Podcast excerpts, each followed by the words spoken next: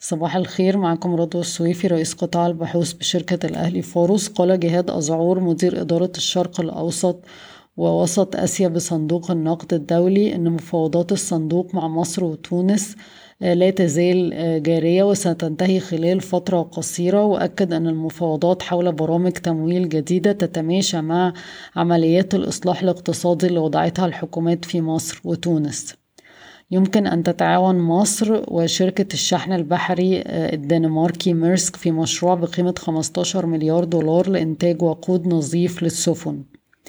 كريم عوض الرئيس التنفيذي للمجموعة المالية هرمس أعرب عن تفاؤله بشأن البلدان اللي بتعمل فيها الشركة وخاص بالذكر دول مجلس التعاون الخليجي. وأضاف أن الشركة قد تغيرت بشكل كبير في خلال الأعوام الماضية مشيرا إلى الاستحواذ على البنك العربي في مصر وتزايد قيمة المعاملات اللي قامت بيها والتوسع اللي قام بيها شركة فاليو وعدد من الطروحات اللي قامت بها الشركة في دول الخليج. وافقت الهيئة العامة للرقابة المالية على تأسيس شركة أمان للتمويل الاستهلاكي ورخصة أمان للتوريق رفعت شركة ياس القابضة عرضها للاستحواذ على أسهم شركة اسكندرية للخدمات الطبية ورفعت العرض ل 48 جنيه و 62 قرش أزيد باتنين في المية.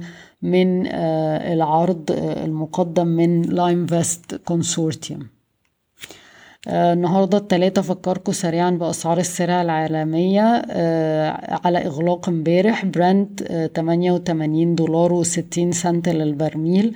الفرق بين أسعار الديزل وال heavy fuel oil خمسمية اتنين وستين دولار للطن. اليوريا تمنمية وخمسين دولار للطن. البولي إيثيلين ألف مية وخمسين دولار للطن. بولي بروبيلين ألف خمسة وعشرين دولار للطن. الفرق بين أسعار الحديد وخام الحديد ربعمية ستة وخمسين دولار للطن.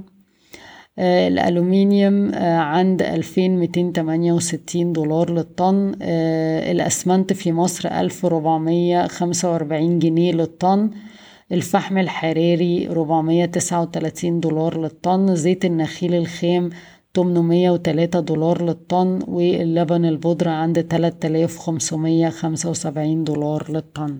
بشكركم ويوم سعيد.